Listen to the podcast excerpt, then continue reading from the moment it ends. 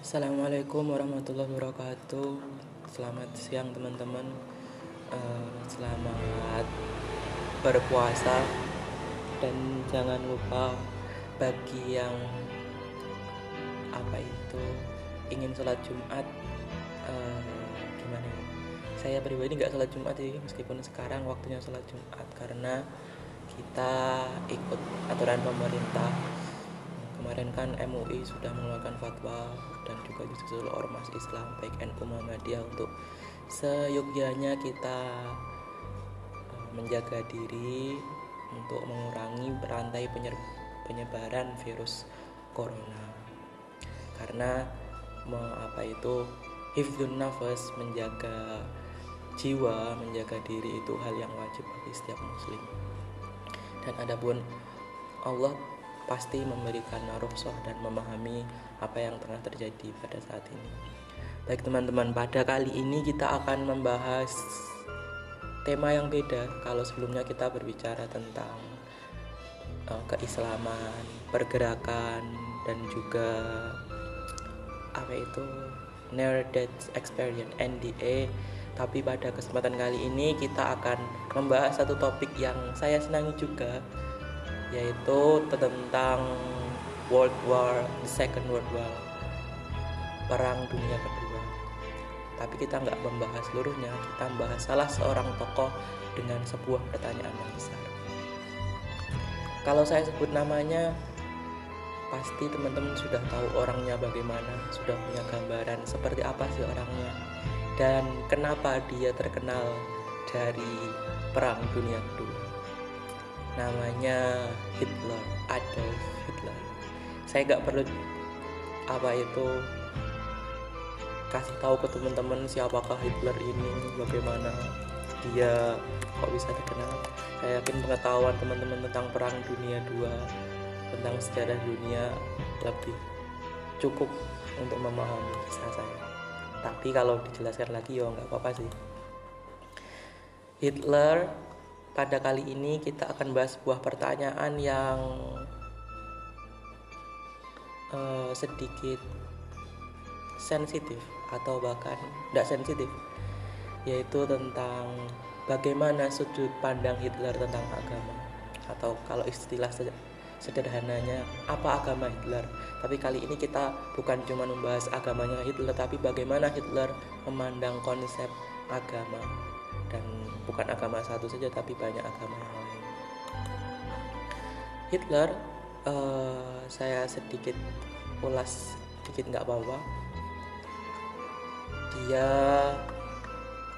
lahir di Bernau am Inn di negara bagian Austria Hongaria pada 20 April 1889 berarti kemarin baru saja ulang tahun. Selamat ulang tahun Selamat ulang tahun Mr. Hitler. Dia meninggal di Berlin, di Jerman, tempat di mana dia tetap kukuh tidak mau pergi pada tanggal 30 April 1945. Oh, kemarin juga dia mening uh, ulang tahun apa meninggalnya dia berarti. Pada umur 56 tahun. 56 tahun itu kalau orang sekarang mungkin hmm, belum pensiun, masuk masa akhir fase pensiun.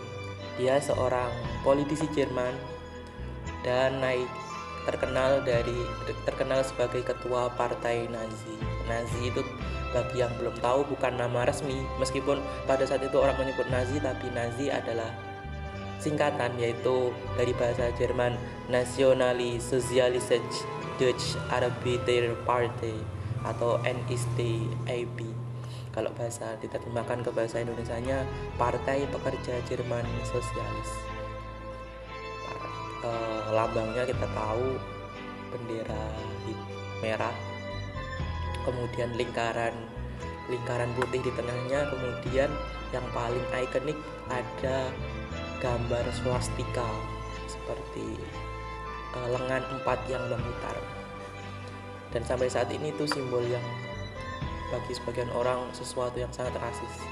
Jadi nggak boleh sembarangan ditampilkan. Meskipun kalau uh, setahu saya itu bukan sangat mencolok dengan Nazi karena dia itu banyak dipakai di sejarah-sejarah kebudayaan masa lalu. Di Buddha di Hindu kalau tidak salah juga pakai swastika.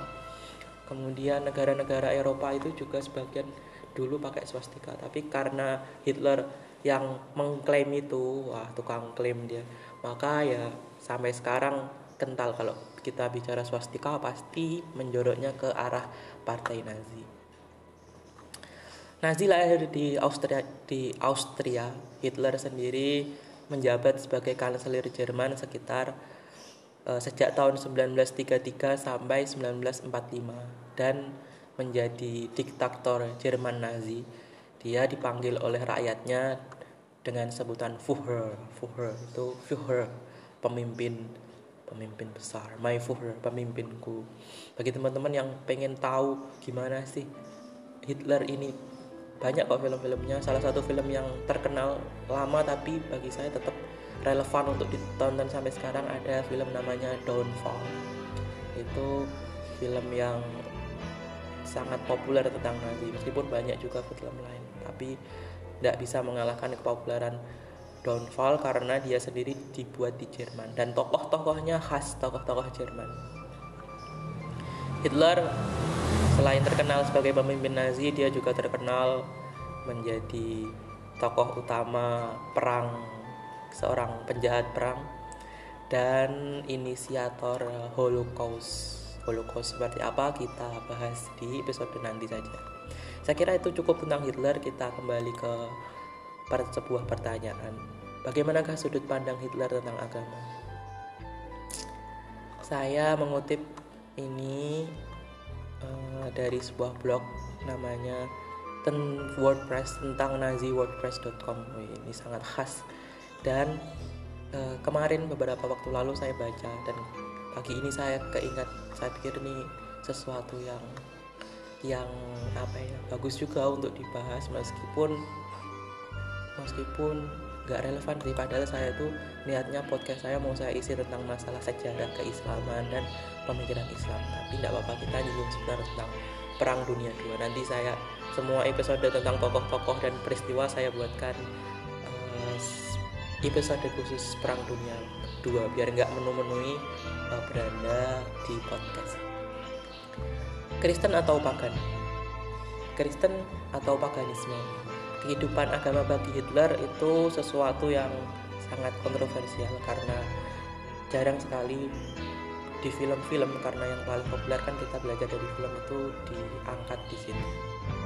Terlebih lagi apal ketika masa transisinya dari seorang yang uh, uh, jadi Hitler itu veteran veteran perang dunia satu kemudian dia sempat memberontak juga setelah dia jadi veteran ketika Jerman bobrok rusak oleh perjanjian yang merugikan namanya perjanjian Versailles. Jadi Hitler ini sempat melakukan kudeta.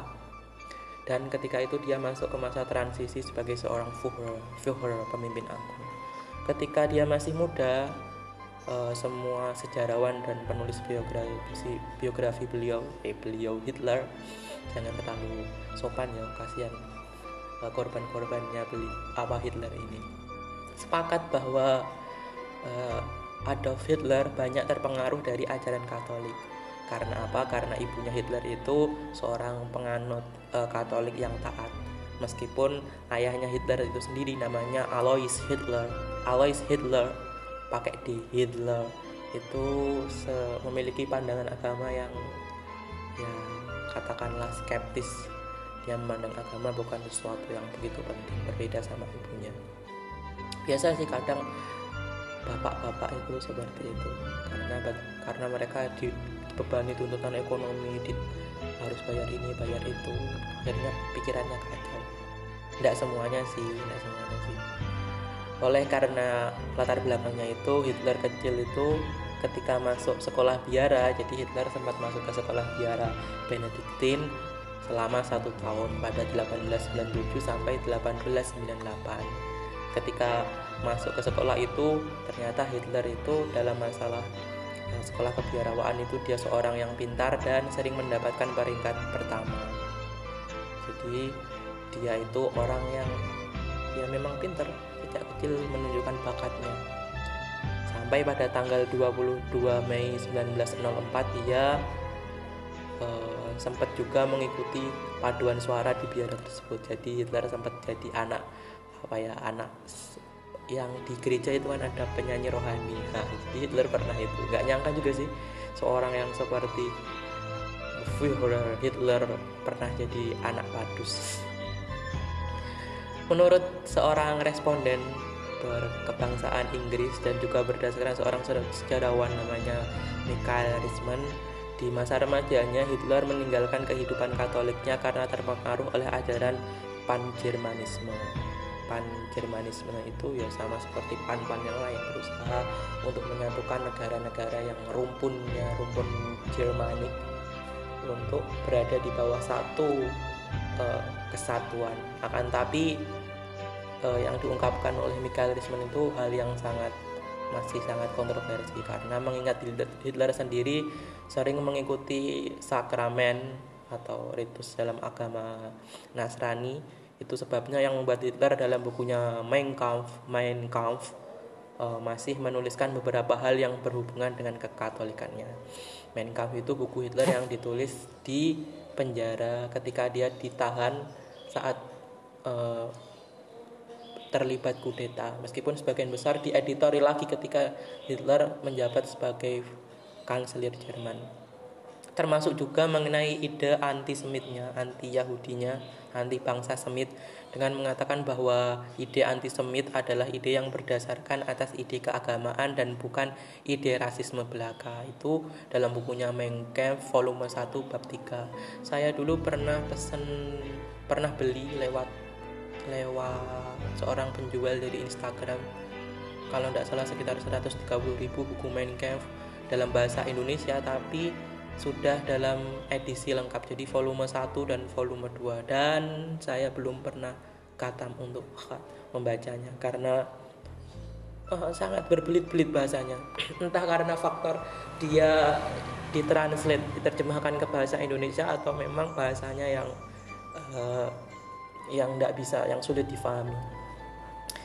Akan tapi yang nyatanya itu Hitler mengatakan bahwa kemasyarakatan tanpa agama adalah suatu hal yang nonsens.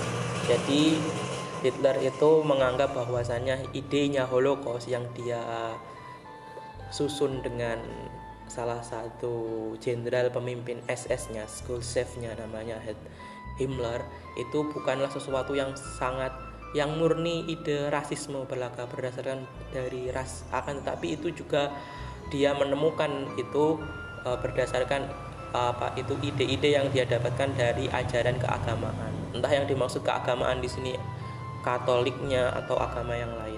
Karena nanti di akhir Hitler juga sempat me, apa itu mengutip uh, bukan mengutip mengomentari agama-agama selain agama Nasrani. Kata dia tanpa agama adalah suatu masyarakat tanpa agama adalah satu hal yang nonsen. Jadi Hitler bukan tidak menolak begitu saja agama akan tetapi masyarakat perlu dengan agama dengan hal-hal yang mungkin tidak bisa diatur dengan selain agama. Ketika Hitler dewasa keyakinan agamanya itu dapat kita jumpai dalam setiap pernyataan atau pidato-pidatonya di hadapan publik dan ini ternyata semakin menambah kontroversi karena terkadang ada dua sisi yang berbeda yang diperlihatkan Hitler. Satu sisi menunjukkan tan betapa agamisnya Hitler, tetapi di satu sisi terlihat betapa ia sangat menentang organisasi berbasiskan agama.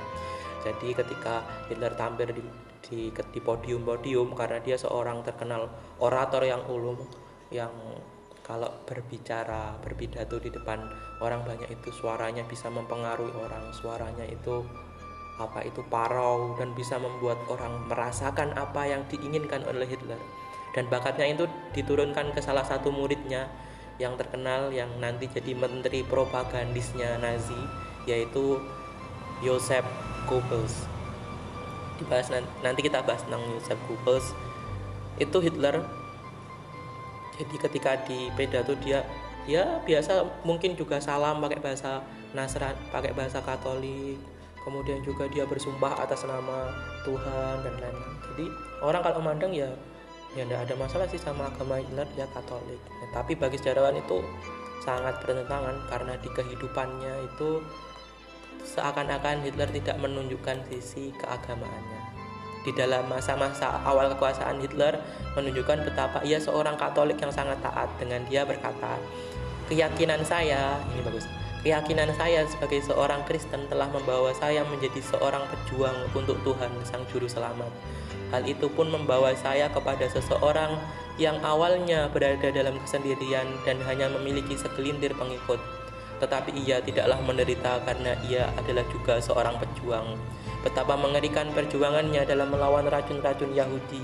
Dan sekarang setelah hampir 2000 tahun dengan emosi yang terdalam saya menyadari adalah sebuah fakta bahwa darah Tuhan tercacar di atas kayu salib dalam perjuangannya melawan Yahudi dan sebagai seorang Kristen saya tidak akan membiarkan diri ini dicurangi dan akan berjuang demi kebenaran dan keadilan. Tuhan telah memanggil saya untuk berjuang melawan Yahudi.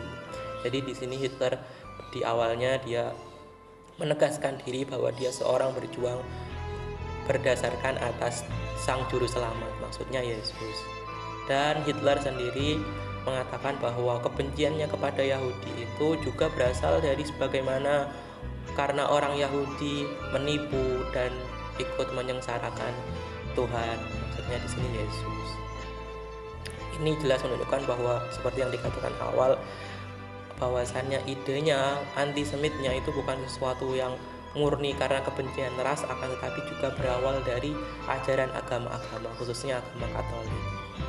Hitler sendiri mengatakan bahwa ketika proklamasi negara Jerman pada 1 Februari 1933 bahwa negara Jerman dibangun atas dasar kebersamaan dan rasa kerjasama. Jerman akan mempertahankan prinsip-prinsip dasar agama Kristen sebagai landasan moral negara. Jadi saat itu uh, Hitler mengatakan bahwa tetap akan menjadikan Kristen itu sebagai salah satu dari pondasi-pondasi berdirinya Republik Jerman. Dan juga salah satu apa itu in bukan insinyur yang membangun kota-kota itu apa ya namanya? Itulah pokoknya salah satu teman dekat Hitler namanya Albert Speer mengatakan bahwa Hitler tetap menjadi anggota gereja hingga kematian menjemputnya. Walaupun Speer sendiri beranggapan bahwa Hitler tidak benar-benar melakukannya dengan kesungguhan. Ya jadi kalau kita katakan bahwa Hitler ini ya Islam KTP apakah dia tidak sungguh-sungguh ke gereja tidak benar-benar melakukan kesungguhannya sebagai seorang anggota gereja itu karena dia memandang tidak penting atau ada hal lain berada di balik Hitler. Juga senada seorang penulis biografi Hitler namanya John Toland dengan Speer di sama dia mengatakan bahwa Hitler masih merupakan anggota gereja Roma dan percaya bahwa Yahudi adalah kelompok yang bertanggung jawab atas pembunuhan terhadap Tuhan. Begitu pula dengan yang disampaikan oleh Goebbels, salah seorang menterinya, menteri dan murid setianya Hitler dalam buku hariannya Goebbels. Jadi Goebbels itu dia sempat menulis buku harian sejak dia merintis karir karirnya sebagai seorang novelis. Jadi Goebbels ini sedikit bercerita saya bahwa dia itu seorang dokter dalam bidang filsafat dan ilmu politik kalau tidak salah. Seorang dokter dan dia merintis karirnya sebagai seorang novelis penulis cerita tapi gagal dan Hitler Goebbels ini juga sebenarnya ingin masuk ke ingin masuk ke tentaraan akan tetapi dia itu badannya kecil dan dia sakit kakinya itu agak bengkok jadi dan pendek dia untuk ukuran seorang ras Arya yang diagung-agungkan oleh Nazi Google itu bukan sesuatu yang ideal Google mengatakan bahwa Hitler sebenarnya memang percaya bahwa Yesus berjuang untuk melawan Yahudi dan Yahudilah yang membuat Yesus akhirnya disalib. Sesuai dengan umumnya pendapat uh, umat keras apa umat Kristen. Yesus selalu mengkritik tindakan imam-imam Yahudi sebagai orang yang sombong, gila hormat, dan suka memakan harta orang lain. Itu jugalah yang dipandang Hitler kepada masyarakat Yahudi saat itu yang ada di uh, di Jerman mereka Hitler memandang mereka lah yang uh, bertanggung jawab atas kalahnya Jerman kemudian kemerosotan ekonomi banyak pengangguran dan bahkan mereka juga bertanggung jawab atas bagaimana Jerman dipermalukan dengan perjanjian Versailles. Dengan Hitler mengusir orang-orang Yahudi berdasarkan juga Yesus yang mengusir orang-orang yang berjual beli di bait Allah dan menyebut imam Yahudi telah mengubah bait Allah menjadi sarang penyamur. Kemudian akan tapi Hitler menyatakan e, doktrin tersebut kemudian diubah dan dipelintir oleh seorang bernama Paulus dan Tarsus, beberapa penulis kitab perjanjian baru. Albert Speer melaporkan bahwa Hitler kemudian berkata, Kau lihat, kata Hitler, kau lihat betapa tidak beruntungnya kita karena memiliki agama yang salah. Mengapa kita tidak memiliki agama seperti yang dimiliki oleh orang Jepang yang menganggap pengorbanan untuk negara adalah kehormatan yang tertinggi? Agama yang dibawa Muhammad pun akan lebih cocok bagi kita daripada Kristen. Mengapa kita harus memilih Kristen yang lembek dan gampang ditarik ulur? Itu ditulis oleh Spear dalam bukunya Inside the Third Reich. Jadi di perkataan tersebut kita sedikit kontradiktif juga.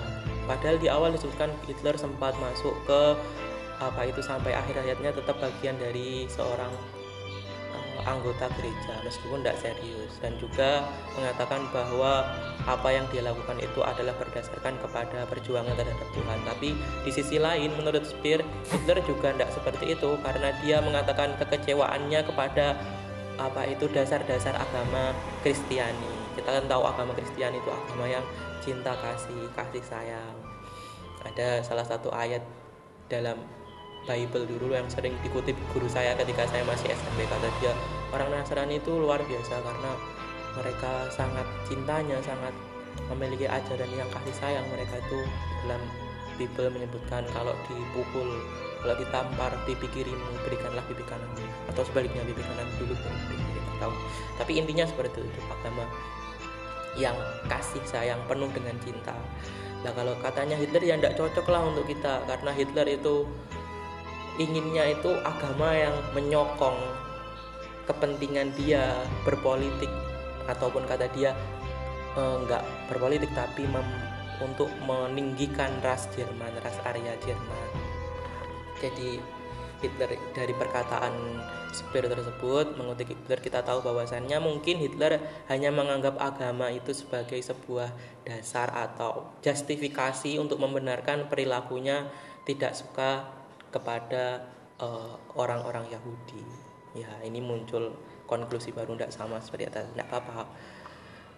Dia juga memuji orang-orang Jepang yang menganggap pengorbanan untuk negara adalah kehormatan yang tertinggi. Kita tahu orang Jepang itu ketika Perang Dunia II, mereka orangnya kecil-kecil, orangnya pendek-pendek, kuning kecil-kecil. Akan tetapi mereka berhasil mengejutkan Amerika membom, bahkan membuat sekutu sekutu itu kewalahan berperang di apa itu di Iwo Jima di pokoknya di front Pasifik luar biasa. Mereka berhasil mengalahkan sekutu juga di Filipina mengusir Belanda di Indonesia. Karena bagi mereka kenapa mereka seperti itu bisa hebat seperti itu? Karena mereka punya rela berkorban. Bagi mereka mati itu lebih baik daripada hidup tetapi tidak bisa memberikan pengorbanan kepada kaisar kaisar Jepang. Jadi kita tahu kalau anda lihat film-filmnya Jepang itu tentang perang Jepang mereka selalu lebih memilih bunuh diri ketika tidak bisa menjalankan tugasnya. Terus Hitler juga meneruskan kenapa tidak juga seperti agama Muhammad? Kenapa tidak Islam yang lebih cocok daripada agama Kristen? Maksudnya Islam itu mereka juga memandang mati syahid itu sebagai sebuah uh, kematian yang paling mulia dan kematian tertinggi terlebih kematian itu semua umat yang mengikuti ajaran Muhammad mampu dan bersedia untuk melakukan itu demi agamanya. Kenapa kok harus Kristen kata Hitler agama yang lembek, gampang ditarik ulur, ikut sana, toleransi, ikut sini nggak apa-apa, nggak apa-apa, cinta kasih, nggak suka Hitler hal yang seperti itu.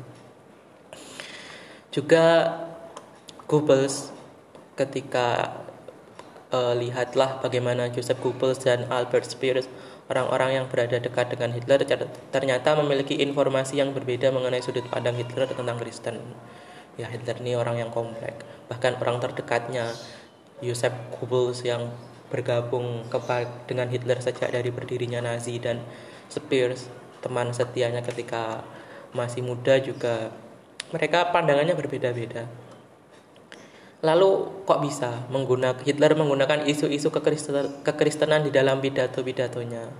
Tampak juga ia gunakan untuk menir, menarik simpati masyarakat Jerman. Jadi ada yang mengatakan bahwasanya hal-hal yang sifatnya rohani seperti itu Kristen itu digunakan Hitler hanya untuk menarik simpati dan perhatian hak suara masyarakat Jerman yang notabene juga bermayoritaskan Kristen dan bersama-sama memerangi Yahudi atas dasar semangat agama.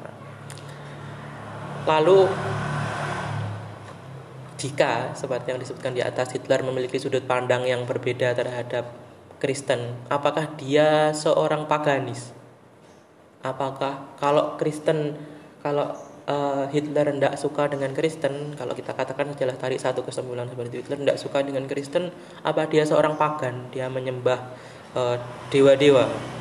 Ada isu-isu yang berkembang di kalangan penulis penggiat sejarah bahwa Hitler menerapkan keyakinan-keyakinan pagannya dalam kehidupan dan dibuktikan dengan pemilihan simbol swastika, simbol tanda uh, tanda plus berlengan itu tanda empat berlengan sebagai lambang negara dan huruf-huruf rune seperti yang digunakan oleh SS. SS itu salah satu sayap paramiliternya Partai Nazi.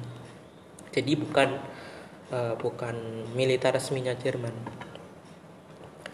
Informasi ini pun sulit dibuktikan mengingat bahwa tidak adanya pernyataan yang dikeluarkan Hitler terkait hal-hal di atas. Satu-satunya yang menjelaskan kenapa Hitler memilih swastika dan icon-icon tertentu itu kalau kita bisa baca dalam bukunya Mein Kampf Hitler itu menyebutkan bahwa swastika ia pilih karena menyukai makna di balik simbol tersebut yang menggambarkan perubahan ke arah yang lebih baik. Empat tangan, maksudnya empat tangan swastika itu bergerak ke arah kanan. Kanan selalu diintikan hal-hal yang, yang baik. Dan tentu saja hal yang seperti itu tidak serta merta kita langsung dapat menjudge dia sebagai seorang pagan.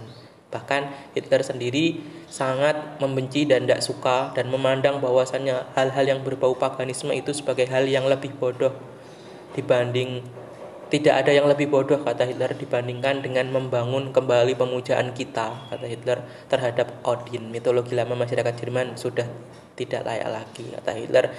Mosok kita menyembah dewa-dewa fiktif Odin, Thor, Allfather itu film-filmnya Marvel itu Kata Hitler itu tidak masuk akal itu cuma mitologi yang kalau dihidupkan hanya menambah keterpurukan masyarakat bangsa Jerman saja. Tidak pantas untuk dihidupkan lagi. Kalau begitu bagaimana? Hitler tidak seorang Kristen dan juga seorang pagan dan dia tidak membenci pagan. Lalu terakhir kesimpulan terakhir, apakah Hitler ateis kalau begitu? Kita tidak tahu karena begitu seringnya Hitler itu menggunakan apa itu istilahnya ungkapan-ungkapan keagamaan, istilah-istilah keagamaan, metafora-metafora keagamaan membuat ia sulit untuk dikatakan sebagai seorang yang tidak percaya Tuhan, ateis, tidak percaya Tuhan. Kalau kita bisa lihat di semboyan yang sering ia dikeluarkan dalam pidato-pidatonya, dia mengatakan God's mean us. Kata dia Tuhan beserta kita. Kalau dalam bahasa orang-orang Islam tuh Allahumma ana. Allah bersama kita jangan takut. La tahzan innallaha ma'ana. Jangan sedih Tuhan bersama kita Allah bersama kita. Tampaknya kalau kita lihat ungkapan itu ia mempercayai adanya ketuhanan sekalipun kita tidak tahu Tuhan mana yang ia sembah. Jadi yang dimaksud God oleh Hitler itu apa? Itu bahasanya itu G O T God M I T mit U N us God mean uns. Jadi kita tahu bahasa Jerman tuh enak karena dia antara tulisan dengan pengucapannya itu sama, pronounsnya itu sama. Kita tidak tahu sebenarnya Hitler di Tuhan yang mana sih. Ya mungkin kemungkinan besar dia beragama, tapi apa yang ia sembah? Apa ia menyembah Tuhan? Apakah Tuhan itu hanya sebagai metafora, hanya sebagai bungkus untuk pemikirannya sendiri? Jadi saya saya jadi ingat salah satu tulisannya Karen Armstrong dalam bukunya History of God yang dibeli dulu ketika kampus di kampus ada bazar. Itu dia mengatakan bahwasannya mustahil orang tidak percaya tidak percaya Tuhan itu mustahil kata. Orang menolak konsep ketuhanan itu mustahil karena kata Armstrong. Karena setiap orang itu mereka harus punya sesuatu yang dijadikan pegangan untuk menjelaskan hal-hal yang keakalnya tidak mampu dijawab tidak mampu mencapainya. Mungkin dia menolak Tuhan. Mungkin mengatakan saya tidak percaya Tuhan. Tapi setelah itu pasti dia menggantikan posisi Tuhan itu kata Armstrong. Saya ingat dengan hal-hal yang lainnya mungkin tokoh idolanya Oke dia tidak percaya Tuhan tapi dia menjadikan tokoh idolanya panutan atau bahkan ide orang lain, gagasan orang lain dijadikan panutannya atau bahkan idealismenya sendiri dijadikan sebagai Tuhan. Jadi oke dia tidak bertuhan mengatakan Tuhan itu tidak ada, tidak relevan dengan kehidupan sekarang. Pasti dia menuhankan idealisme pemikirannya sendiri.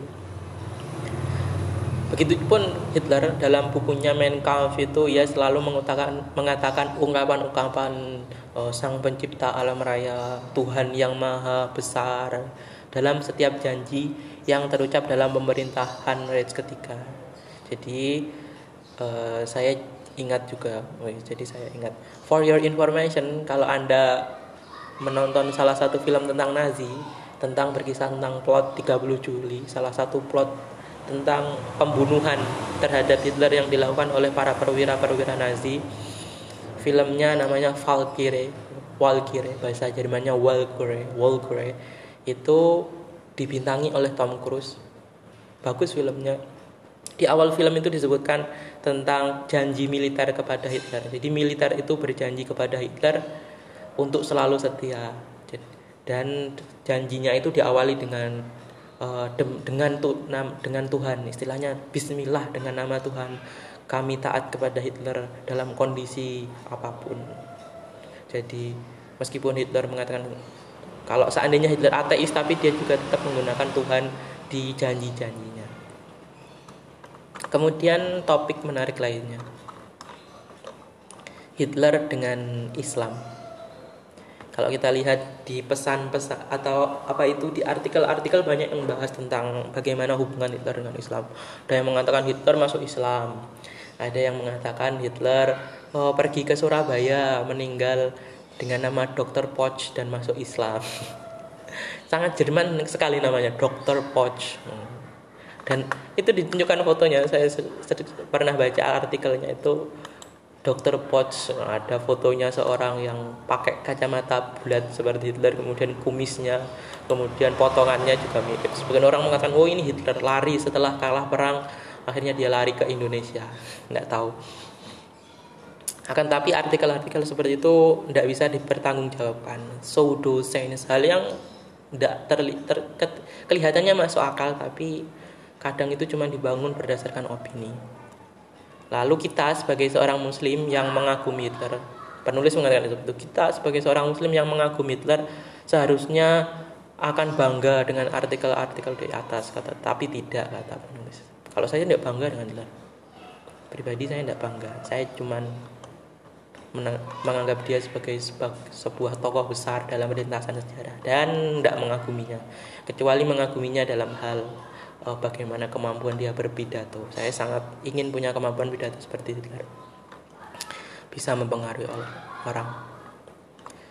Beberapa artikel yang kita baca itu menyebutkan bahwa Hitler begitu dekat dengan Islam dan betapa pemikiran-pemikiran Hitler telah dipengaruhi oleh Islam, baik secara langsung ataupun tidak langsung. Artikel-artikel itu kadang memberikan bukti-bukti yang disertai gambar. Gambar pertama itu gambar di sini ada gambar beberapa tentara Nazi divisi SS Kars sedang membaca buku propaganda berjudul Islam dan Yahudi. Ini tulisannya Islam and Judentum kecil tulisannya nggak kelihatan. Jadi di foto itu ada tiga orang pakai topi kopiah khas Arab. Dari sini saja kita bisa tarik kesimpulan bahwa Hitler bahwa foto ini bukan foto murni maksudnya murni tentara Nazi. Oke, tentara ini tentara pakai baju Nazi, tapi ini adalah apa ya? Katakan dia tentara lokal yang dibentuk oleh Hitler atas bekerja sama dengan seorang tokoh tokoh muslim di Palestina namanya uh, Amin Al Husaini. Jadi foto ini kalau saya bahkan saya tidak melihat penjelasannya cuma lihat foto ini mengatakan bahwa ya foto ini masuk akal sih karena ini kan orang Islam juga. Wajahnya wajah-wajah Islam.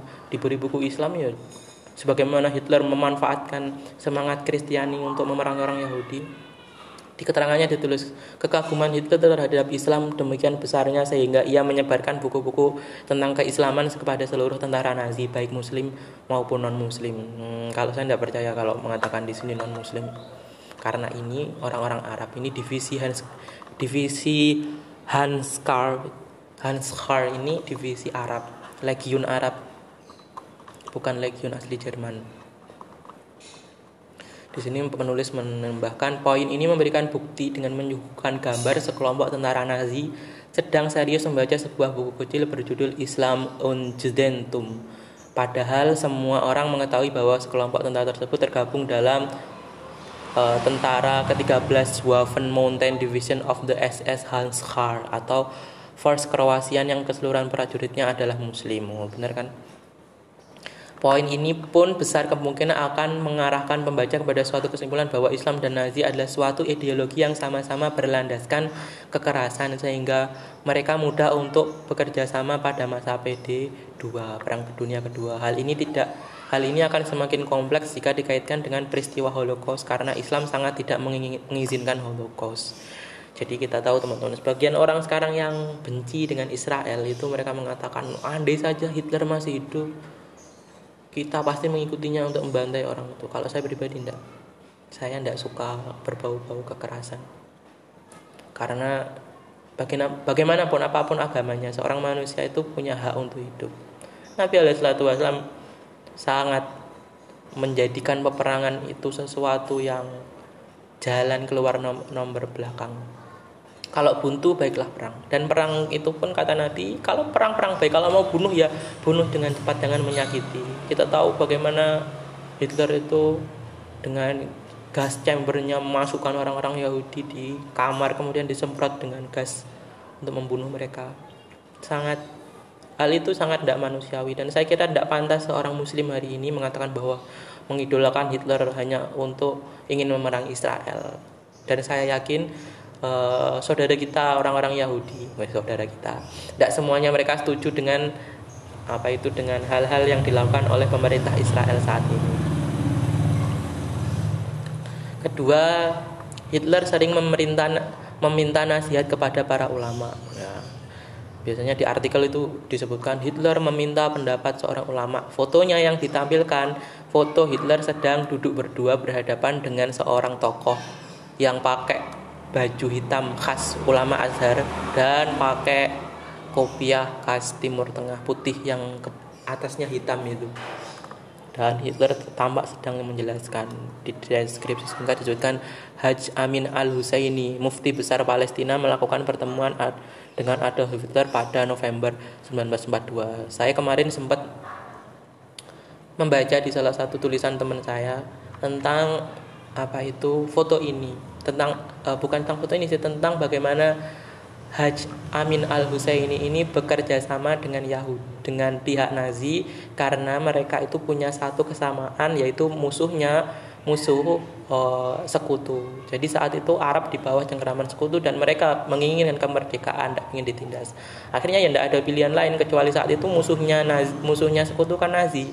Jadi kalau ada kaidah, ada pepatah musuh dari musuhmu adalah teman itulah yang di, yang dimaksudkan oleh Haji Amin Al Husaini. Seorang tokoh besar beliau diangkat menjadi mufti besar Palestina. Meskipun yang diangkat yang mengangkat adalah pihak Inggris dengan tujuan agar mudah bekerja sama. Tetapi ketika sudah diangkat justru tetap tidak mau kerja sama sama pihak Inggris. Dan beliau bekerja sama dengan Hitler membentuk apa itu legiun Nazi khusus dari bangsa Arab disebutkan tidak ada yang menyangkal bahwa dalam Perang Dunia II negara-negara Islam telah bekerja sama dengan Nazi dalam melawan Yahudi dan komunisme. Dan itu memang besar. Namun hal itu semata-mata karena ada kesamaan kepentingan di sana. Tidak ada kurang dan tidak lebih. Bagi beliau, bagi Haj Amin al Husaini, bagi Husaini, kerjasama yang ia lakukan dengan Nazi disebabkan adanya ancaman-ancaman yang timbul dari Yahudi kepada penduduk muslim di Palestina dan bagi Hitler. Ia memerlukan banyak sumber daya manusia untuk mengalahkan tentara merah di wilayah timur-timur Eropa. Seperti yang terjadi di Bosnia saat muslim Bosnia dibantai setiap hari oleh tentara komunis. Jadi seperti ada hubungan mutualisme, hubungan apa itu saling menguntungkan ya apa itu Haj Amin Al Husaini meminta Hitler mem memberikan dia izin untuk memberikan tentara Nazi Legiun Arab agar seperti mendapat juga bantuan militer kemudian senjata pelatihan untuk bisa melawan orang-orang sekutu tentara sekutu dan timbal balik bagi Nazi Nazi juga meminta sebagian pasukan Muslim di bawah otoritasnya beliau Syekh Al-Hajj Amin Al-Husaini untuk membantu membantu Nazi berperang melawan komunis. Maksudnya Uni Soviet, negara-negara satelit Uni Soviet. Hal ini terlihat jelas melalui perkataan Mufti kepada Hitler. Arab adalah teman alamiah Jerman karena mereka memiliki musuh yang sama yaitu Inggris, Yahudi, dan komunis. Karena itu Arab siap untuk bekerja sama dengan Jerman dengan segala hati dan siap berpartisipasi dalam perang tidak hanya secara negatif melalui tindakan sabotase dengan pemajuan pemicuan revolusi tetapi juga secara positif dengan pembentukan pasukan Arab. Arab akan bermanfaat bagi Jerman sebagai sekutu mengingat alasan geografis dan penderitaan yang disebabkan Inggris dan Yahudi. Terlebih lagi, Jerman memiliki hubungan dekat Jerman memiliki hubungan dekat dengan negara-negara muslim yang bisa dimanfaatkan bagi kepentingan bersama. Pasukan Arab mudah dibentuk dengan satu permintaan saja dari sang mufti kepada negara-negara Arab dan tawanan kebangsaan Arab, Aljazair, Tunisia, dan Maroko. Penjara-penjara Jerman akan menghasilkan jumlah besar sukarelawan siap tempur. Lalu bukankah bentuk kerjasama seperti itu sering terjadi di dalam banyak sejarah? Biasa saja bekerja sama seperti itu. Jangan kita lupakan Amerika juga pernah bekerja sama dengan Taliban dalam mengusir komunis. Maksudnya Uni Soviet saat itu. Bahwa kita apakah kalau begitu kita anggap eh, dasar-dasar ideologi Amerika dengan Taliban itu sama? Seperti yang ada diungkapkan oleh pepatah, the enemy of my enemy is my friend. Jadi uh, mungkin itu hanya satu hal saja kesamaannya yaitu kesamaan tujuan. Sama-sama punya satu musuh. Bukan hal yang bersifat mendasar seperti ideologi. Dan masih banyak lagi hal-hal yang merebak di dunia maya ketika umat muslim menemukan artikel yang mengaitkan antara Hitler dan Islam. Dengan serta-merta mereka bangga lalu dengan mudah mengatakan lihatlah betapa Hitler mengagumi Islam seperti yang saya katakan di atas hendaknya kita sebagai seorang muslim jangan sampai keluar ungkapan-ungkapan yang sangat apa itu memicu hal-hal yang bersifat rasisme dan seperti menyerang kepada kemanusiaan. Kita semua sama sama-sama anaknya Adam, sama-sama manusia dan musuh kita kalau begitu juga sama yaitu orang yang berperang melawan kemanusiaan meskipun dia manusia juga. Makanya dalam kategori penjahat perang itu ada penjahat perang ada penjahat terhadap kemanusiaan.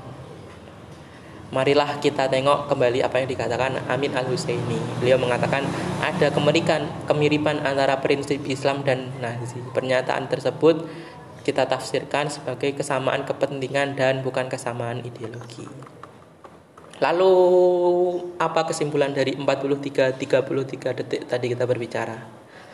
Satu, Hitler seorang Kristiani. Apakah Hitler seorang Kristiani?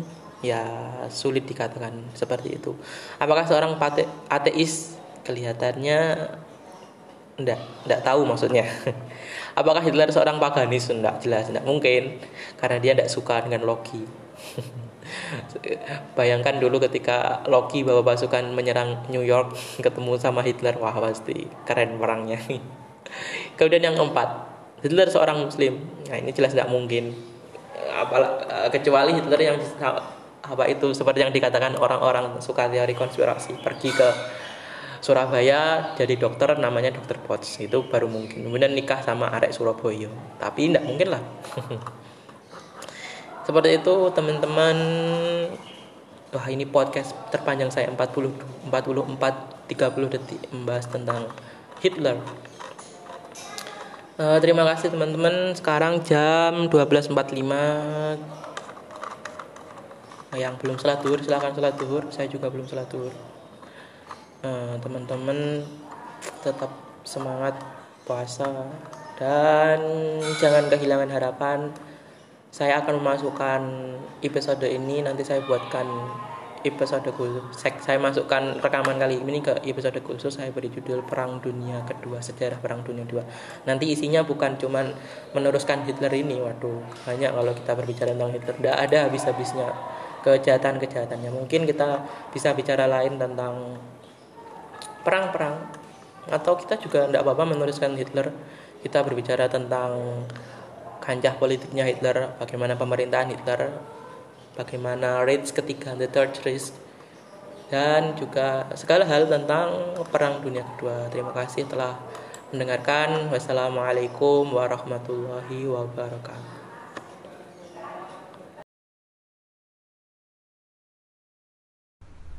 Assalamualaikum warahmatullahi wabarakatuh Selamat malam teman-teman. Pada kesempatan kali ini kita akan santai saja. Kita akan meneruskan apa itu tema kita yang baru muncul satu segmen. Sebenarnya saya agak mikir uh, segmen episode. Berarti seharusnya kan saya buat uh, pembahasan itu per episode bukan per segmen. Tapi tidak apa-apa lah. baru baru baru kali ini soalnya uh, apa itu buat podcast di Anchor dan sebelumnya memang juga tidak pernah buat podcast. Baik pada kali ini kita akan meneruskan tema kita tentang perang dunia 2 dengan cerita lain kalau sebelumnya kita sudah berbicara tentang bagaimana sih seorang Führer Hitler memandang tentang konsep keagamaan atau kasarnya apa agama Hitler. Tapi kali ini kita akan membahas benar-benar nuansanya yaitu perang dunia 2 yaitu tentang uh, salah satu fase dalam World War the Second World War yang mengakhiri yang mengakhirinya yang mengakhiri Perang Dunia II yaitu tentang menyerahnya Jepang. Jadi uh, gambaran singkatnya biasanya kalau kita buka buku sejarah-sejarah kita, buku paket SD kita, yang pertama kali kita terlintas tentang menyerahnya Jepang itu sebuah foto tentang sebuah foto di mana ada banyak orang di situ, ada kemudian dua orang yang terlihat Jepang banget sedang menandatangani salah satunya sedang menandatangani dokumen di atas meja dan orang lain sedang yang dan orang lain yang kelihatan Amerika banget melihatnya. Itu sebenarnya itu teman-teman itu foto dari Menteri Luar Negeri Jepang ya bernama Mamoru Shigemitsu Shigemitsu menandatangani dokumen kapitulasi Jepang atau penyerahan Jepang pada tanggal 2 September 1945 di atas kapal USS Missouri disaksikan dan orang yang menyaksikannya itu yang megang yang megang yang seakan-akan jadi bosnya itu namanya Jenderal Richard K. Richard K. Sutherland dan orang-orang di belakangnya itu awak kapal jadi USS Missouri. Jadi teman-teman menyerahnya Jepang itu terjadi ini pembahasan apa gambaran singkatnya saja nanti saya bahas panjang sih sebenarnya rinci. Menyerahnya menyerahnya Jepang itu terjadi pada bulan Agustus 1945 yang dengan itu menandai akhir Perang Dunia II.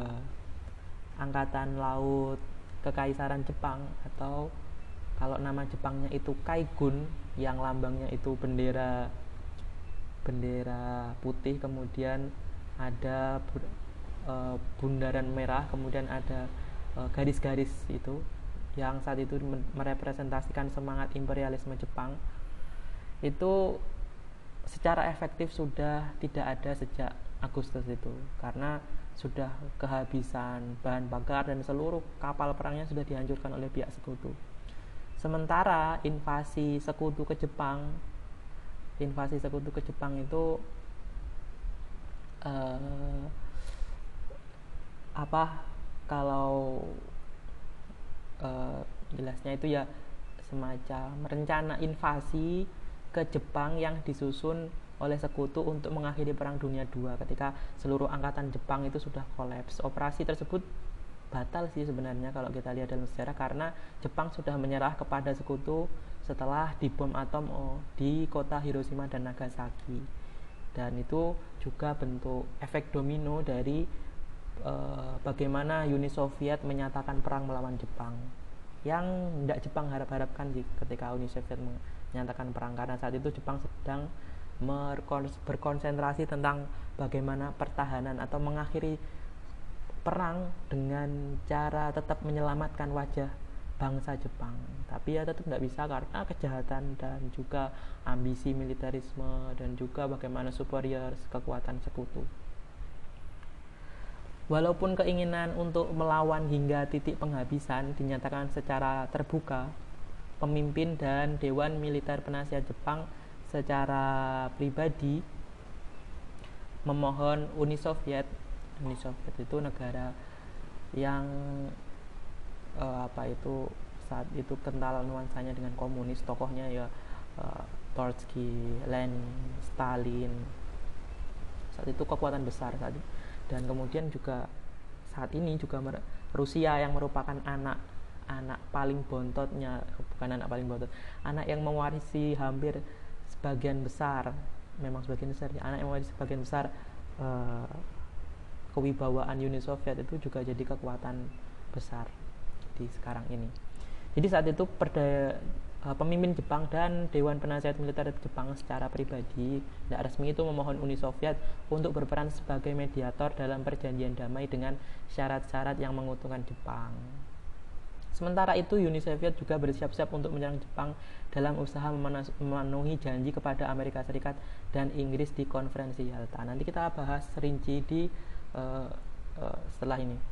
Pada 6 Agustus dan 9 Agustus, Amerika Serikat menjatuhi bom atom di Hiroshima dan Nagasaki uh, yang merupakan dua kota industri penting Jepang. Pada 9 Agustus, Uni Soviet juga melancarkan penyerbuan mendadak ke salah satu koloni Jepang atau daerah jajahan yang dikuasai Jepang di Manchuria atau namanya Manchukuo yang melanggar fakta netralitas Soviet Jepang.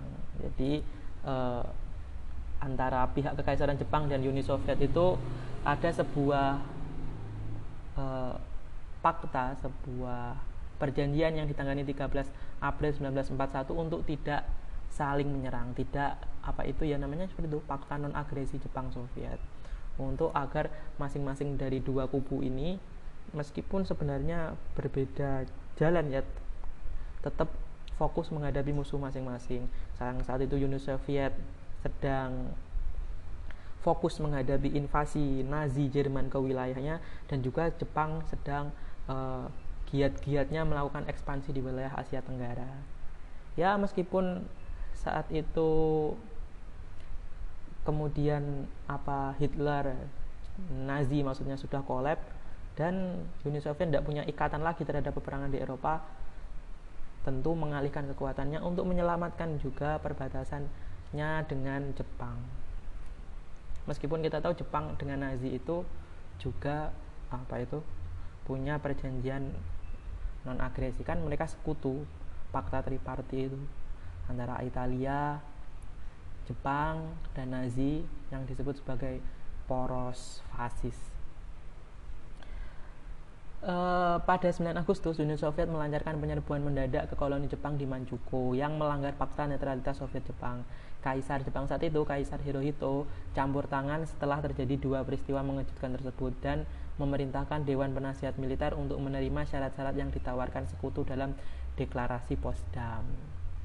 Setelah berlangsung perlindungan di balik layar selama beberapa hari dan ada beberapa aksi kudeta yang gagal, Kaisar Hirohito menyampaikan pidato radio di hadapan rakyat pada 15 Agustus 1945. Dalam pidato radio tersebut yang dikenal sebagai Gyukon Hosu atau siaran suara kaisar, Hirohito membacakan perintah kekaisaran tentang kapitulasi sekaligus mengumumkan kepada rakyat bahwa Jepang telah menyerah kepada sekutu. Penduduk, pendudukan Jepang oleh komandan tertinggi sekutu dimulai pada 28 Agustus. Upacara kapitulasi diadakan pada 2 September 1945 di atas kapal tempur Amerika, Amerika Serikat Missouri dan dokumen kapitulasi Jepang yang ditandatangani hari itu oleh pejabat pemerintah Jepang secara resmi mengakhiri Perang Dunia II penduduk sipil dan anggota militer di negara-negara sekutu merayakan hari kemenangan atas Jepang atau Vijidai Vijidai itu ya singkatan V Victory J-nya Japan walaupun demikian sebagian pos komando terpencil dan personel militer dari kesatuan di pelosok-pelosok Asia menolak untuk menyerah selama berbulan-bulan bahkan hingga bertahun-tahun setelah Jepang menyerah. Jadi ketika pemerintahan Jepang itu resmi menyerah, ada beberapa uh, militer, beberapa person militer yang menganggap uh, saat itu karena mereka mempunyai semangat nasionalisme dan uh, fasisme yang tinggi terhadap Jepang mereka mengira nggak mungkinlah negara kita yang dipimpin oleh seorang dewa. Jadi kaisar Jepang itu memiliki posisi yang sangat sakral di masyarakat Jepang teman-teman. Mereka dianggap sebagai titisan dewa yang telah mendirikan Jepang 2500 tahun yang lalu yang terus bersambung sampai kaisarnya saat itu namanya Kaisar Hirohito. Jadi banyak hal-hal yang sangat luar biasa sih padahal kalau kita lihat posisinya Kaisar Hiro itu itu kalau lihat fotonya itu ndak ndak sangat dewa-dewa banget sih. Dia tuh orangnya kecil dan bukan seorang yang berotot biasa saja. Orangnya pakai kacamata kumisnya tipis. Ya lebih ke arah apa itu seorang kutu buku ya karena memang dia kutu buku. Seorang yang bergelut di ah, masalah biologi kelautan. Dipuja-puja oleh rakyat Jepang bahkan ada ada tersebar propaganda saat itu rakyat biasa itu tidak boleh melihat kaisar Jepang karena bisa membakar karena dewa Jepang kaisar Jepang itu dipercaya keturunan langsung dari dewa Jepang yang namanya dewa Amaterasu atau dewa matahari. Uh, kembali ke sini, perang antar Jepang dan sekutu secara resmi ber berakhir ketika perjanjian San Francisco mulai berlaku pada tanggal 28 April 1952 Empat tahun kemudian, Jepang dan Uni Soviet menandatangani deklarasi bersama Soviet-Jepang yang secara resmi perang antara kedua negara tersebut mengakhiri perang antara kedua negara tersebut pada 1956. Kita akan membahas merinci hal-hal tersebut karena itu cuma gambaran dasar. Kita akan lebih masuk ke pembahasan-pembahasan uh, setelahnya tentang kekalahan Jepang, kemudian bagaimana posisi uh, kekaisaran, hal-hal apa yang disyaratkan untuk penyerahan Jepang dan lain-lain. Um, baik teman-teman pada uh, meneruskan ya tadi terputus. Sekarang kita akan membahas tentang uh, lebih mendalam bagaimana tentang kekal apa itu menyerahnya Jepang. Yang pertama tentang kekalahan Jepang kita tahu bahwa uh, menyerahnya Jepang kapitalisasi Jepang adalah salah satu konsekuensi tertinggi dan juga hasil dari efek domino berbagai kekalahan Jepang dari berbagai front. Pada tahun 1945, Jepang telah hampir dua tahun berturut-turut mengalami kekalahan berkepanjangan di koloninya seperti Pasifik Barat, Pasifik Barat Daya, kemudian kampanye militer Mariana, dan kampanye militer Filipina.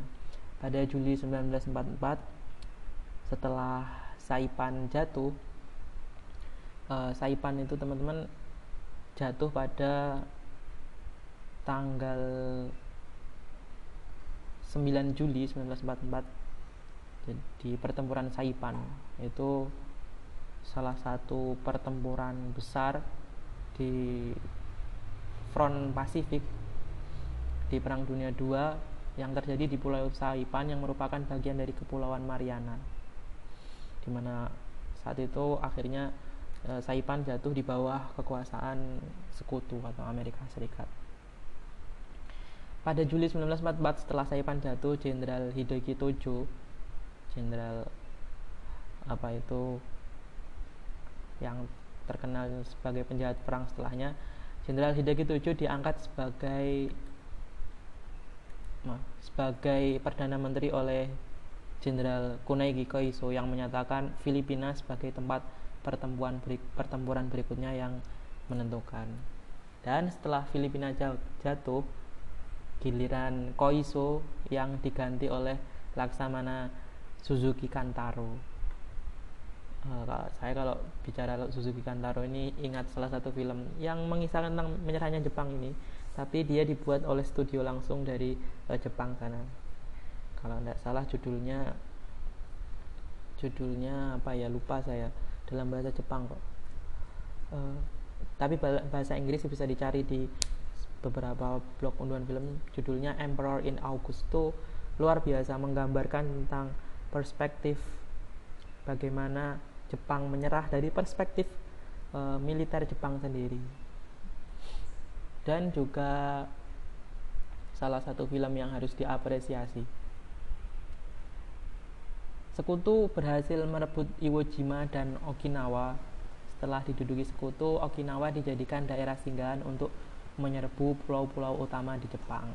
Pulau-pulau utama Jepang itu yang dimaksud di sini itu operasi tadi, operasi downfall atau pendudukan sekutu terhadap uh, tanah air di Jepang setelah kekalahan Jerman kita tahu setelah kekalahan Jerman Uni Soviet itu diam-diam mulai mengerahkan kembali pasukan tempur yang pertama yang awalnya itu disiapkan di Eropa ke timur jauh maksudnya di wilayah perang teater Pasifik. Di samping sekitar 40 divisi yang telah ditempatkan di sana sejak tahun 1941 sebagai penyeimbang kekuatan jutaan tentara kuantung. Jadi uh, tentara kuantung itu teman-teman adalah salah satu army group uh, dari angkatan darat kekaisaran Jepang yang menjadi sebuah grup komando paling besar dan bergengsi di angkatan darat kekaisaran Jepang untuk mengamankan kekuasaan Jepang di wilayah Cina. Kita tahu Jepang saat Perang Dunia II mencengkram lebih kuat Cina yang sebelumnya sudah dalam jajahan Jepang operasi kapal-kapal selam sekutu dan penyebaran ranjau di lepas pantai Jepang telah menghancurkan sebagian besar armada dagang Jepang sebagian negara dengan sedikit sebagai negara dengan sedikit sumber daya alam Jepang bergantung kepada bahan mentah yang diimpor dari daratan Asia dan dari wilayah pendudukan Jepang di Hindia Belanda termasuk minyak bumi. Jadi salah satu latar belakang kenapa Jepang kok kemudian mengekspansi Asia Tenggara itu karena ingin mencari sumber daya untuk memenuhi kebutuhan militer dan ya kebutuhan Jepang sendiri untuk e, menyongsong perang Asia Timur Raya. Penghancuran armada Jepang, dagang Jepang ditambah dengan pengobaman pengoboman strategis kawasan industri Jepang telah meruntuhkan ekonomi perang Jepang. Produksi batu bara, besi, baja, karet, dan pasokan bahan mentah lainnya hanya tersedia dalam jumlah kecil dibandingkan dengan pasokan sebelum perang. Jadi dengan menghancurkan e, berbagai kawasan industri dan juga kapal-kapalnya itu sekutu berharap Jepang itu bisa menyerah lebih cepat karena mereka kekurangan bahan makanan, juga kekurangan bahan untuk perang dan juga harus rakyatnya dibayangi dengan kematian yang tiba yang tiba-tiba dan mendadak karena bisa setiap saat sekutu itu menjatuhkan bom-bom karpet ke wilayah daratan Jepang.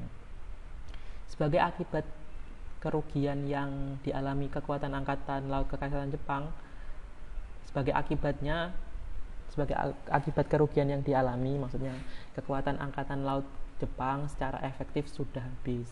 Setelah serangkaian pengeboman sekutu di galangan kapal Jepang di Kure, prefektur Hiroshima, kapal-kapal perang Jepang hanya tersisa eh, enam kapal induk, kemudian empat kapal penjelajah dan satu kapal tempur. Namun semua kapal tersebut tidak memiliki bahan bakar yang cukup. Ya meskipun ada 19 kapal perusak dan juga 38 kapal selam yang masih operasional.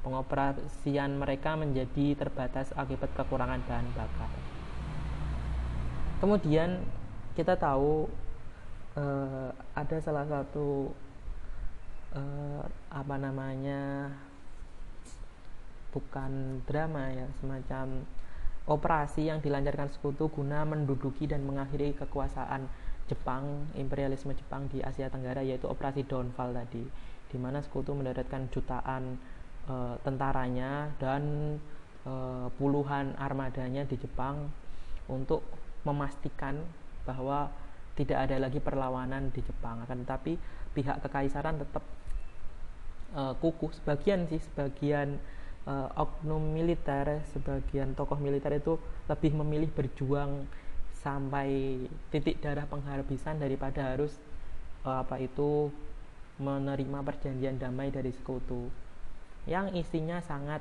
mendiskreditkan dan melemahkan dan juga bisa mengancam uh, status negara Jepang. Menghadapi kemungkinan penyerbuan sekutu ke pulau-pulau utama Jepang dimulai dari Kyushu, jurnal markas jurnal perang markas besar kekaisaran menyimpulkan ya ditulis di salah satu jurnal perangnya kami tidak dapat lagi memimpin perang dengan ada sedikit pun harapan untuk menang maksudnya tidak mungkin kami menang itu karena semuanya sudah kolab uh, maaf kepotong saya baca utuhnya aja ya. Kami tidak dapat lagi memimpin perang dengan ada sedikit pun harapan untuk menang. Satu-satunya jalan yang tersisa adalah mengorbankan nyawa 100 juta rakyat Jepang sebagai bom hidup agar musuh kehilangan semangat bertempur. Sebenarnya mengorbankan nyawa seluruh Jepang rakyat Jepang ini tidak tidak apa tidak benar ya karena saat itu sensus penduduk pada tahun 1944 itu jumlah rakyat Jepang 72 jadi untuk memenuhi apa konten propaganda jumlah 72 tadi dibulatkan menjadi 100 juta agar lebih nampak dramatis uh, dalam uh, catatan ini kita bisa menyimpulkan bahwasannya seluruh elemen militer Jepang baik yang ingin mengorbankan perang atau ingin damai sendiri mereka sebenarnya sudah yakin bahwa tidak ada harapan lagi kita akan menang. Harapannya itu cuma satu yaitu kita kalau seandainya kita mau melawan terus-terusan itu harapannya cuma satu yaitu uh, kita berjuang mati-matian dengan mengorbankan seluruh sumber daya dan mengorbankan seluruh bangsa Jepang agar setidaknya nanti sekutu jadi agak mikir-mikir wah ternyata rakyat Jepang benar-benar perlawanannya sengit nah, akhirnya sekutu menurunkan lagi syarat-syarat kapitulasi tadi jadi dalam syarat-syarat itu ada beberapa poin-poin yang sangat dianggap melecehkan seperti uh, pembubaran konstitusi, kemudian penjahat perang yang dihukum. Tentu yang dimaksud di sini adalah para pemimpin militer Jepang. Dan yang paling menjadi apa itu sanksi yaitu poin di mana kaisar itu akan diturunkan. Itu bagi masyarakat Jepang itu sangat sangat tidak mungkin dan sangat-sangat nanti kalau seandainya terjadi akan menimbulkan chaos atau ke apa itu kerusuhan yang besar karena seperti yang ada di film itu saya dalam film Emperor in August itu disebutkan saat itu salah satu jenderal perangnya Jepang namanya kalau tidak salah kalau tidak salah jenderal Korejika Anami dia mengatakan kalau seandainya saja satu tetes satu tetes hmm, apa darah kaisar itu tumpah kalau saja, sedikit saja kaisar tergores tidak akan cukup untuk menebusnya dengan kematian. Jadi walaupun kita bunuh diri karena saya itu tradisinya bunuh diri untuk menutupi kemati menutupi malu dan menutupi rasa bersalah atau juga bisa bentuk pengorbanan tertinggi itu mereka bunuh diri. Kalau bunuh diri kalau seandainya kaisar terluka kita bunuh diri pun tidak akan cukup untuk menebus dosa-dosa kita. Itu menunjukkan betapa sakral banget posisinya kaisar Jepang. Kaisar Hirohito di mata bangsa Jepang saat itu. Jadi sebagai usaha darat yang terakhir untuk menghentikan gerak maju sekutu komanda, komando tertinggi Kekaisaran Jepang merencanakan pertahanan Kyushu secara habis-habisan. Usaha yang dinamakan dengan sandi Operasi Tetsugo.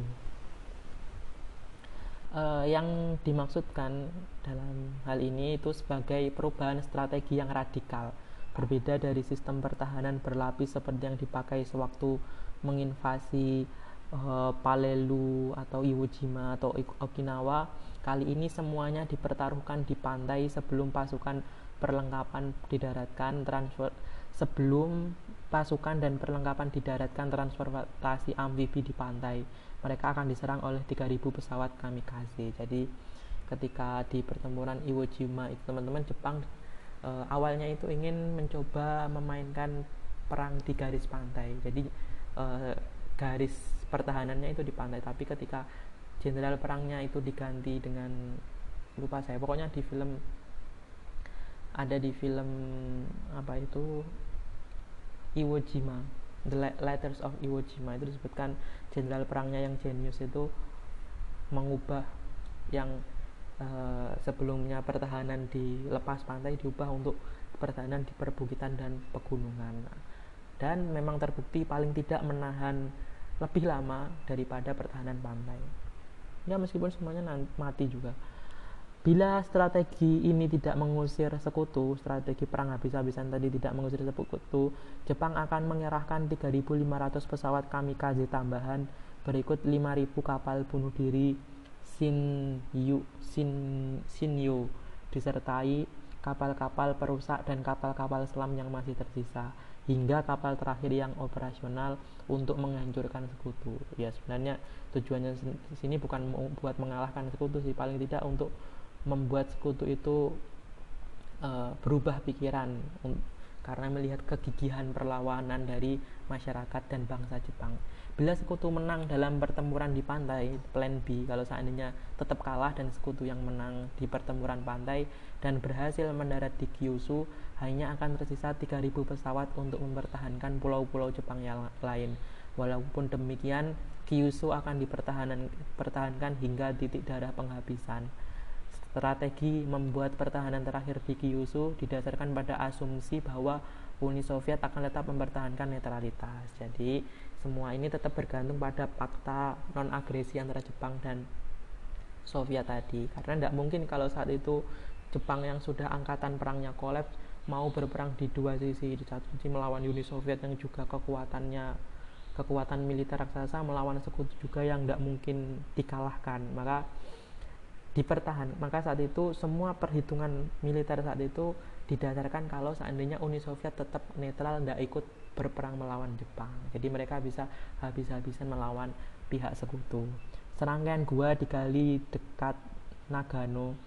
Ya, dan sekarang masih ada gila-gila gua-gua itu di daerah Honshu gua-gua yang disebut markas besar kekaisaran bawah tanah Matsushiro tersebut akan dijadikan markas angkatan darat pada saat terjadinya invasi sekutu serta rumah perlindungan bagi kaisar Jepang dan keluarganya. Ya, salah satu kenapa Kyushu ini dipandang penting karena di Kyushu itu juga ada apa itu tempat tinggal kaisar dan keluarganya yang dianggap sakral oleh masyarakat Jepang dan yang un unik juga kalau dalam perang sejarah perang dan film-film itu memang kadang itu Jepang terkenal dengan gua-guanya yang juga nanti di di apa ditiru oleh Vietnam ketika terjadi perang Vietnam melawan USA melawan Amerika. Gua-gua militer jadi gua-gua ke dalam dan sempit-sempit sekali itu gunanya untuk pertahanan dan bisa melakukan serangan tiba-tiba dari bawah tanah kemudian kita berbicara tentang Dewan Penasihat Militer Jepang. Dewan Penasihat Militer itu uh, terdiri dari Perdana Menteri Laksamana Suzuki Kantaro kemudian Menteri Luar Negeri Shigenori Togo, kemudian juga Menteri Angkatan Darat Jenderal Korejika Anami yang terkenal, kemudian Menteri Angkatan Laut Laksamana Mitsumasa Yunai, kemudian Kepala Staf Umum Angkatan Darat Jenderal Yoshijiro Umezu, kemudian Kepala Staf Umum Kepala Staf Angkatan Laut Laksamana Koshiro Oikawa, kemudian diganti oleh Laksamana Suemoto Yoda jadi uh, seluruh keputusan perang yang dilakukan oleh pihak kekaisaran Jepang itu berpusat di Dewan Penasihat Militer ini yang beranggotakan pejabat enam pejabat tinggi tadi yaitu perdana menteri, menteri luar negeri, menteri angkatan darat, menteri angkatan laut, kepala staf umum angkatan darat dan kepala staf umum uh, angkatan laut. Secara hukum, Angkatan Darat dan Angkatan Laut Kekaisaran Jepang itu memiliki hak untuk mencalonkan atau menolak pencalonan masing-masing menteri. Sebagai hasilnya, Jepang dapat menghindari pembentukan pemerintah yang tidak diingini atau terjadinya pengunduran diri yang dapat menjatuhkan pemerintahan yang sedang berjalan.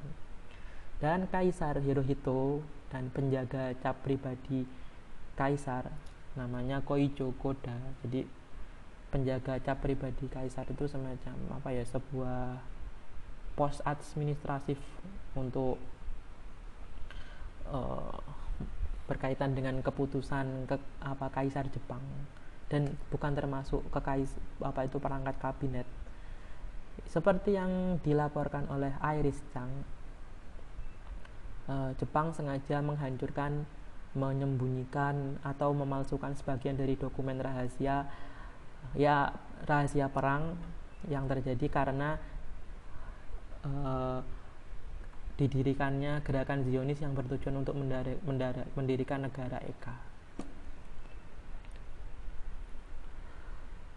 Kemudian kita akan membahas tentang bagaimana perbedaan pendapat di kalangan pemimpin Jepang sendiri. Jadi ketika sekutu menawarkan itu tadi penyerahan tanpa syarat seperti yang saya sebutkan di awal ada dua kubu yang berseteru dalam pemimpin Jepang satu kubu kita mengatakan menerima kapitulasi dengan pertimbangan syarat itu di diedit gini-gini yang lain mengatakan kita tidak bisa menerima sampai titik darah penghabisan kecuali syarat poin-poin yang penting itu dihilangkan. Dan itu jelas tidak mungkin karena sekutu mensyaratkan penyerahan total jadi penyerahan tanpa syarat. Dan kabinet Suzuki kabinet yang baru dibentuk saat itu dalam berbagai segi lebih memilih meneruskan perang. Bagi Jepang kapitulasi hampir tidak di, tidak terpikirkan karena itu juga berdasar sih kalau juga mendasar sih. Maksud saya masuk akal karena kalau kita lihat sejarahnya sejarah 2000 tahun 2000 tahun itu panjang loh teman-teman. 2000 tahun sejarahnya Jepang tidak pernah diinvasi bangsa asing atau kalah dalam perang. Jadi uh, meskipun saat itu uh, ke, apa itu dinasti kekaisaran di Cina banyak mengirimkan pasukannya untuk Jep, apa itu menginvasi Jepang. Padahal kalau dibanding Cina Jepang itu lebih kecil kalau dalam wilayah. Tapi mereka tidak berhasil karena gigihnya perlawanan Jepang di masa lalu. Dan sampai sekarang justru saat itu maksudnya sekarang tahun 1945 itu uh, Cina di bawah apa jajahan Jepang.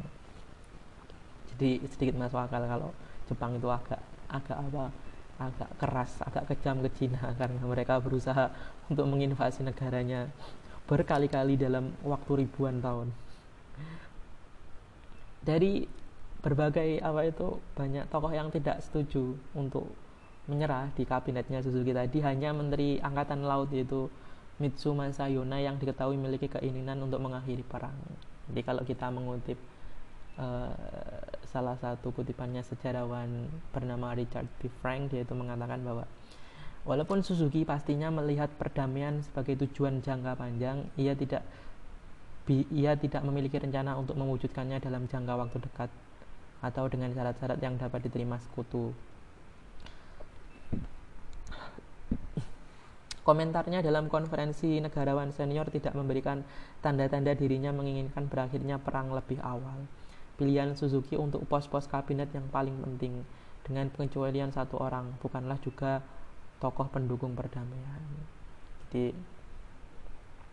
uh, meskipun kabinet pemimpin kabinetnya yaitu perdana menteri Suzuki Kantaro itu ya mungkin dia melihat suatu saat atau uh, dalam kurun waktu yang tidak pendek tentunya mungkin kita akan menyerah karena memang kita benar-benar kolaps tapi untuk jangka waktu yang dekat ini kita nggak akan karena kita masih punya semangat kita masih punya apa itu harapan lah bagi seorang perdana menteri Suzuki Kantaro.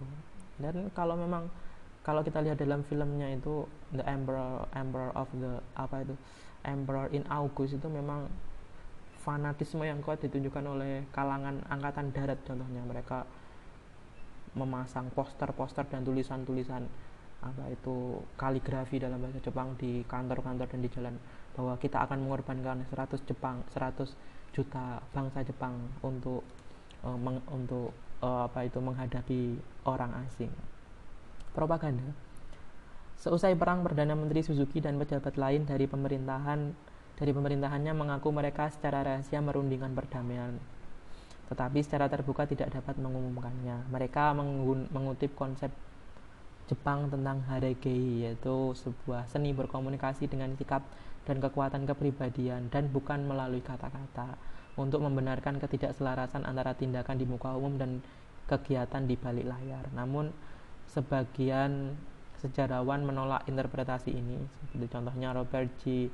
C. Butow dia menyebutkan berdasarkan atasan alasan yang sangat ambigu pembelaan soal Haregei menimbulkan kecurigaan bahwa dalam masalah politik dan diplomasi, secara sadar menggantungkan diri pada seni menggertak mungkin dapat dianggap sebagai pengelabuan disengaja yang diperkirakan didasarkan keinginan mengadu domba untuk keuntungan sendiri. Walaupun keputusan ini tidak sesuai dengan kepribadian Laksamana Suzuki yang banyak dipuji. Pada kenyataannya dari saat ia diangkat sebagai Perdana Menteri hingga hari ia mengundurkan diri tidak ada seorang pun yang dapat memastikan apa yang berikutnya akan dikatakan atau dilakukan oleh Suzuki dan uh, maksudnya pemimpin Jepang itu uh, selalu menginginkan penyelesaian perang dengan negosiasi sebagian besar pemimpin Jepang karena tidak mungkin lagi untuk melanjutkan perang dan perencanaan pra perang mereka mengharapkan perluasan wilayah secara cepat konsolidasi konflik yang tidak terhindarkan dengan Amerika Serikat dan penyelesaian perang yang memungkinkan Jepang mempertahankan paling tidak beberapa wilayah baru yang telah mereka duduki. Pada tahun 1945, pemimpin-pemimpin Jepang sepakat bahwa perang tidak berjalan dengan lancar, tetapi mereka tidak sepakat mengenai cara-cara terbaik dalam bernegosiasi untuk mengakhiri perang. Kalangan pemimpin Jepang setelah menjadi dua kubu, yaitu faksi damai yang menginginkan e, inisiatif diplomatik dengan membujuk pemimpin Soviet, maksudnya Joseph Stalin, Joseph Stalin agar bertindak sebagai mediator penyelesaian perang antara Jepang dan Amerika dan Amerika Serikat beserta sekutunya. Sebaliknya, faksi garis keras lebih memilih bertempur dalam satu pertempuran akhir yang menentukan hingga jatuh korban begitu banyak di pihak sekutu yang mengakibatkan mereka mau menawarkan syarat-syarat yang lebih lunak. Ini yang dimaksudkan dengan operasi dengan apa itu operasi apa itu perang yang menentukan, perang akhir hingga menentukan. Kedua buku kedua kubu terbentuk berdasarkan pengalaman Jepang dalam perang Rusia Jepang perang Rusia Jepang itu teman-teman perang yang uh, dimenangkan Jepang uh, antara ya Jepang dengan imperialis Rusia. Konflik yang luar biasa besar konflik sangat berdarah di daerah Manchuria dan Korea. Peperangan tersebut utamanya terjadi karena perebutan kota Port Arthur dan Jazirah Liaodong ditambah dengan jalur rel dari pelabuhan tersebut. Uh, di perang tersebut 40 tahun yang terjadi sebelum 40 tahun sebelumnya dalam perang tersebut terjadi serangkaian pertempuran yang memakan kerugian besar yang tidak menentukan pemenang tetapi diakhiri oleh pertempuran Tsushima yang dimenangkan Jepang. Pertempuran Tsushima itu pertempuran laut yang menentukan yang yang menentukan. Maksudnya yang mengakhiri perang tadi yang konflik antara Amerika awal Jepang dengan Uni Soviet. Uh, itu terjadi 27 sampai 28 Mei 1905 dan merep, men, dan merupakan pertempuran laut terbesar di era kapal tempur pra perang dunia II. Pada akhir Januari 1945, beberapa pejabat Jepang yang dekat dengan kaisar mempertimbangkan syarat-syarat kapitulasi yang akan melindungi kedudukan kaisar Jepang. Ya intinya seperti itu melindungi kedudukan Jepang. Proposal-proposal yang dikirim melalui saluran Amerika Serikat dan Inggris itu disusun oleh Jenderal Douglas, Douglas MacArthur. Douglas MacArthur itu apa itu jenderal panglima apa Supreme Commander, pemimpin tertinggi sekutu untuk wilayah perang apa itu Asia Pasifik. Dokumen tersebut disusun oleh Jenderal Douglas MacArthur menjadi dokumen 40 halaman dan kemudian pada 2 Februari, dua hari sebelum konferensi Yalta, diberikan kepada Presiden Franklin D. Roosevelt. Menurut laporan, dokumen tersebut ditolak oleh Roosevelt tanpa pertimbangan apa pun. Semua proposal mencakup syarat bahwa kedudukan kaisar tetap dipertahankan jadi intinya proposal itu hanya satu yaitu apa itu kedudukan kaisar tetap dipertahankan walaupun mungkin jadi penguasa boneka namun pada saat itu kebijakan sekutu hanyalah menerima penyerahan tanpa syarat selain itu uh, maaf selain Selain itu, proposal-proposal ini ditolak keras oleh pejabat Kementerian Jepang yang berpengaruh dan oleh karena itu tidak dapat dikatakan mewakili keinginan Jepang yang sebenarnya untuk menyerah pada waktu itu. uh, sebagai catatan kaki apa Menteri Luar Negeri Togo itu membantah Jepang telah menawarkan usulan damai pada Amerika Serikat dan Inggris.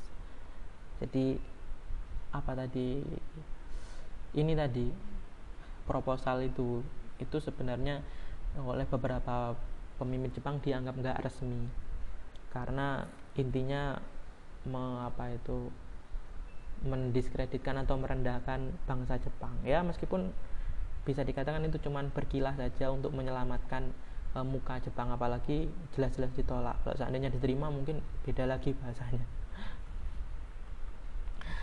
Pada Februari 1945 Pangeran Funimaro Funimaro Konoe Funimaro Konoe memberi kaisar memberi kaisar Hirohito sebuah memorandum yang menganalisa situasi dan menyampaikan kepada Hirohito bahwa bila perang diteruskan kekaisaran akan menghadapi revolusi internal yang telah berbahaya daripada kalah dalam perang. jadi uh, sebelumnya beberapa tokoh seperti Pangeran Finomero Konoe itu mengatakan pada Kaisar Hirohito kita akan menghadapi tentang sesuatu yang tidak mungkin terbayangkan selama 2000 tahun sejarah Jepang yaitu tentang perubahan kalau saya menangkap yang dimaksud di sini perubahan tentang uh, kepem, fundamental kepemimpinan Jepang maksudnya sistem kepemimpinan ya maksudnya penghapusan apa itu kekaisaran itu tadi yang lebih berbahaya daripada kalah dalam perang. Maksudnya ya lebih baik kita kalah dalam perang dengan beberapa hal-hal daripada kita meneruskan perang dan harus mengorbankan kekaisaran yang dianggap sebagai simbol kehidupan bangsa Jepang dan bahkan bangsa Jepang itu sendiri untuk meneruskan peperangan. Menurut buku harian pengurus rumah tangga kekaisaran Hisanoro Fujita, kaisar yang menunggu pertempuran menunggu pertempuran menentukan atau Tenuzan menjawab bahwa masih terlalu dini menawarkan perdamaian kecuali kita membuat satu lagi kemenangan militer. Masih pada bulan Februari tahun yang sama, Divisi Pertan Perjanjian Jepang menulis tentang kebijakan sekutu terhadap Jepang mengenai pengaruh tanpa syarat mengenai waduh sudah ngantuk saya teman-teman penyerahan tanpa syarat, pendudukan, pelucutan senjata, penghapusan militerisme, reformasi demokrasi, hukuman bagi penjahat perang, dan status kaisar. Jadi pelucutan senjata oleh sekutu, penjatuhan hukuman bagi penjahat perang, dan khususnya pendudukan dan penghapusan jabatan kaisar itu tidak mungkin diterima, tidak bisa diterima oleh pimpinan Jepang. Sampai kemudian pada 5 April, Uni Soviet mengumumkan tidak akan memperbarui Fakta Netralitas Soviet Jepang yang ditandatangani tahun 1941 setelah terjadi peristiwa Hanomonhan. Peristiwa Hanomonhan itu uh, apa? pertempuran Khalkin Gol itu konflik pertempuran di perbatasan Soviet Jepang yang yang nggak resmi yang tidak dideklarasikan atau yang terjadi antara Uni Soviet dan Kekaisaran Jepang tahun 1939. Pertempuran ini dinamai dari sungai Khaikhin Gul. Uh, pada konferensi Yalta Februari 1945, negara-negara barat yang tergabung dalam sekutu telah menyepakati sebuah konsensi yang substansial dengan Soviet untuk mengamankan janji dari so dari Soviet untuk menyatakan perang terhadap Jepang tidak lebih dari tiga bulan setelah Jerman menyerah. Walaupun secara hukum fakta netralitas tetap berlaku hingga setahun setelah Uni Soviet membatalkannya hingga 5 April 1946. Pembatalan sepihak ini secara jelas tetap terselubung menunjukkan niat perang Uni Soviet. Menteri Luar Negeri Rusia Vyacheslav Molotov di Moskow dan Yakov Malik duta besar Soviet di, di Tokyo uh, sungguh mencoba meyakinkan Jepang bahwa masa berlaku fakta tersebut belum berakhir. Jadi mencoba tetap mempertahankan hubungan diplomatik antara kedua negara. Pada serangkaian rapat tinggi pada bulan Mei 1965, keenam anggota Dewan Penasihat Militer dengan serius membahas cara mengakhiri perang, namun tidak seorang pun dari mereka setuju dengan syarat-syarat yang diajukan sekutu, mengingat siapa pun yang secara terbuka mendukung kapitulasi Jepang terancam bahaya pembunuhan oleh perwira angkatan darat yang sangat setia. Jadi saat itu saking fanatisme yang sangat kuat dalam tubuh militer khususnya angkatan darat itu mereka tidak segan-segan untuk membunuh orang-orang yang apa itu mendukung perdamaian. Mereka menganggap orang yang mendukung perdamaian itu seperti seorang pengecut yang lebih baik mati daripada harus menerima perdamaian mendukungnya yang seakan-akan mencoreng wajah apa itu peradaban bangsa Jepang hingga sampai pada tahap uh, itu rapat-rapat tersebut rapat-rapat tertutup bagi siapa pun kecuali keenam anggota Dewan Penasihat Militer Kaisar dan penjaga cap pribadi Kaisar. Tidak ada perwira eselon 2 atau eselon 3 yang diizinkan hadir. Pada rapat-rapat tersebut hanya Menteri Luar Negeri Togo yang menyadari kemungkinan sekutu negara sekutu negara-negara barat sudah membuat konsensi dengan Soviet untuk mengajak mereka berperang melawan Jepang. Jadi berdasarkan uh, apa itu perilaku perilaku politik Uni Soviet seperti pembatalan dan tidak memperbarui lagi perjanjian non agresi uh, satu-satunya orang di pemerintahan yang yakin bahwasannya kelihatannya Soviet ini punya rencana untuk nyerang kita deh. Kelihatannya mereka sudah sepakat sama pihak sekutu untuk kalau sudah perang di front Eropa dengan dengan siapa? Dengan Nazi selesai Uni Soviet harus membuka front dengan Jepang dengan tujuan agar Jepang cepat men, cepat menyerah. Itu yang menyadari cuman satu orang yaitu Menteri Luar Negeri Togo sebagai hasil rapat-rapat tersebut, Togo diberi wewenang untuk mendekati Uni Soviet. Jadi eh, apa itu eh, dia Togo itu meminta eh, Uni Soviet untuk mempertahankan netralitas atau yang kalau seandainya bisa mau membentuk aliansi dengan Jepang. Ya, sejalan dengan tradisi pemerintahan baru yang mengumumkan mengumumkan tujuan-tujuan mereka, setelah rapat bulan Mei selesai, staf Angkatan Darat mengeluarkan dokumen berjudul Kebijakan Fundamental untuk diikuti selanjutnya dalam melaksanakan perang. Jadi in, in, apa isi dokumen tersebut ya menyatakan rakyat Jepang akan berjuang hingga punah daripada menyerah. Jadi mereka lebih memilih uh, musnah sebagai sebuah bangsa daripada tetap ada akan tetapi mereka dijajah atau menyerah. Kebijakan ini diadopsi oleh Dewan Penasihat Militer pada Juni pada 6 Juni. Yang tentu saja ditentang oleh Togo karena Togo itu seorang yang berpikiran modern dan lebih rasio rasional. Sementara kelima anggota lain mendukung. Jadi ini dokumen yang isinya fantastis banget. Itu ternyata didukung oleh kabinet kecuali perdana kecuali menteri luar negeri Togo. Dokumen-dokumen yang diajukan Suzuki pada pertemuan yang sama menyarankan bahwa dalam usaha awal diplomatik dengan Uni Soviet, Jepang mengambil pendekatan sebagai berikut. Rusia harus diberitahu dengan jelas bahwa kemenangannya atas Jerman adalah berkat Jepang. Karena kita bisa karena kita tetap netral dan Soviet akan diuntungkan bisa membantu Jepang mempertahankan posisinya di dunia internasional karena musuh mereka pada masa depan adalah Amerika Serikat. Pada 9 Juni, orang kepercayaan kaisar, yaitu Koichi Kido, penjaga cap pribadi tadi menulis rancangan rencana pengendalian situasi krisis yang memperingatkan bahwa pada akhir tahun kemampuan Jepang untuk melakukan perang modern akan habis dan pemerintah akan tidak mampu mengendalikan kerusuhan sipil. Kita tidak tahu pasti apakah kita akan bernasib sama seperti Jerman, Jerman dan terjatuh dalam keadaan yang sulit hingga kita tidak dapat mencapai tujuan tertinggi, yaitu menjaga rumah tangga kekaisaran dan mempertahankan tata negara nasional.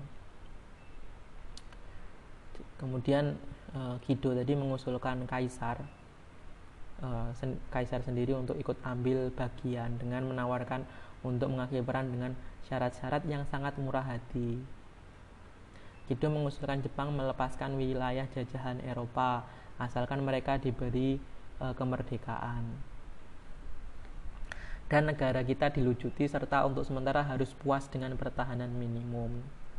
Ini syarat-syarat yang diajukan e, syarat-syarat yang disarankan kepada e, kaisar untuk menghindari kemungkinan terburuk yaitu kehilangan apa itu tata negara nasional dan uh, runtuhnya rumah tangga kekaisaran maksudnya ya sistem apa itu sistem monarkinya rumah tangga maksudnya sistem keluarga Jepang dulu yang dimaksud rumah tangga kekaisaran berbekal penugasan kaisar Kido mendata, mendekati beberapa anggota Dewan Penasihat Militer.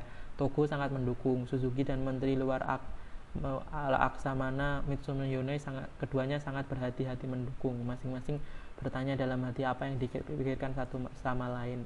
Menteri Angkatan Darat Jenderal Korejika Anami bersifat ambivalen, bersikeras diplomasi harus menunggu hingga Amerika Serikat menderita kerugian besar dalam operasi Ketsuko. Jadi Jenderal Korejika Anami, Jenderal Menteri Angkatan Darat itu uh, lebih memilih lebih mengatakan diplomasi itu terakhir diplomasi itu kita uh, kita lakukan terakhir setelah Amerika Serikat itu merasakan pertahanan kita itu bahasanya seperti itu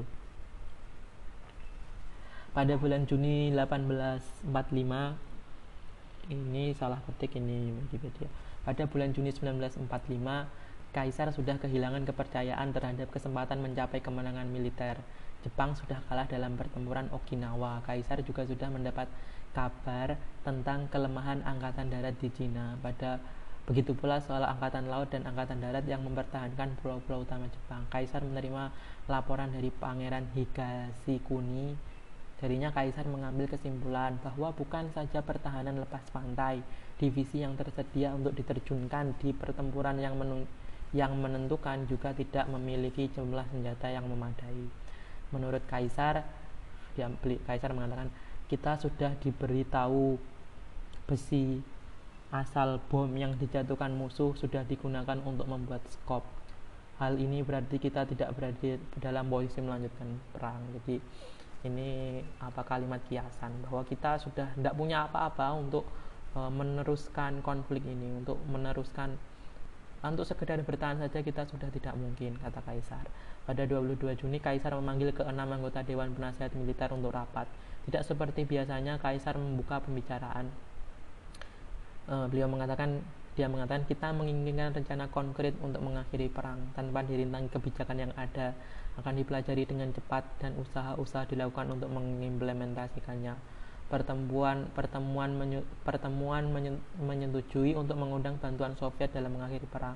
Negara-negara netral lain seperti Swiss, Swedia, dan Vatikan dikenal berniat memainkan peranan uh, peranan dalam menciptakan perdamaian, tetapi mereka terlalu kecil hingga mereka tidak dapat melakukan lebih dari sekedar menyampaikan syarat-syarat kapitulasi sekutu serta penerimaan atau penolakan dari Jepang. Uni Soviet diharapkan dapat dibujuk untuk bertindak sebagai agen Jepang dalam bernego bernegosiasi dengan sekutu barat. Jadi itu teman-teman pembahasan kita sebenarnya banyak poin sih ini hanya seperempat dari uh, pembahasan menyerahnya Jepang. Di kita lanjutkan pertemuan selanjutnya di pertemuan selanjutnya kita akan membahas tentang apa itu banyak poin sih seperti usaha berurusan dengan Uni Soviet itu usaha uh, apa itu wakil-wakil Jepang untuk uh, apa itu apa berhubungan diplomatis dengan Uni Soviet. Kemudian juga proyek Manhattan yaitu proyek untuk memproduksi bom atom bom atom untuk membom daratan uh, Hiroshima dan Nagasaki nantinya. Kemudian beberapa acara di Potsdam, kemudian pengeboman Hiroshima, Nagasaki, kemudian juga campur tangan istana, ada juga apa salah satu bagian yang saya sukai favorit saya di film Alban the Emperor in August yaitu percobaan kudeta militer. Dan kapitulasi ada juga kapitulasi selanjutnya dan beberapa perlawanan militer Jepang yang saya tidak bisa lanjutkan kali ini karena suara saya sudah habis kita akan lanjutkan pertemuan berikutnya. Terima kasih. Sampai jumpa. Wassalamualaikum warahmatullahi wabarakatuh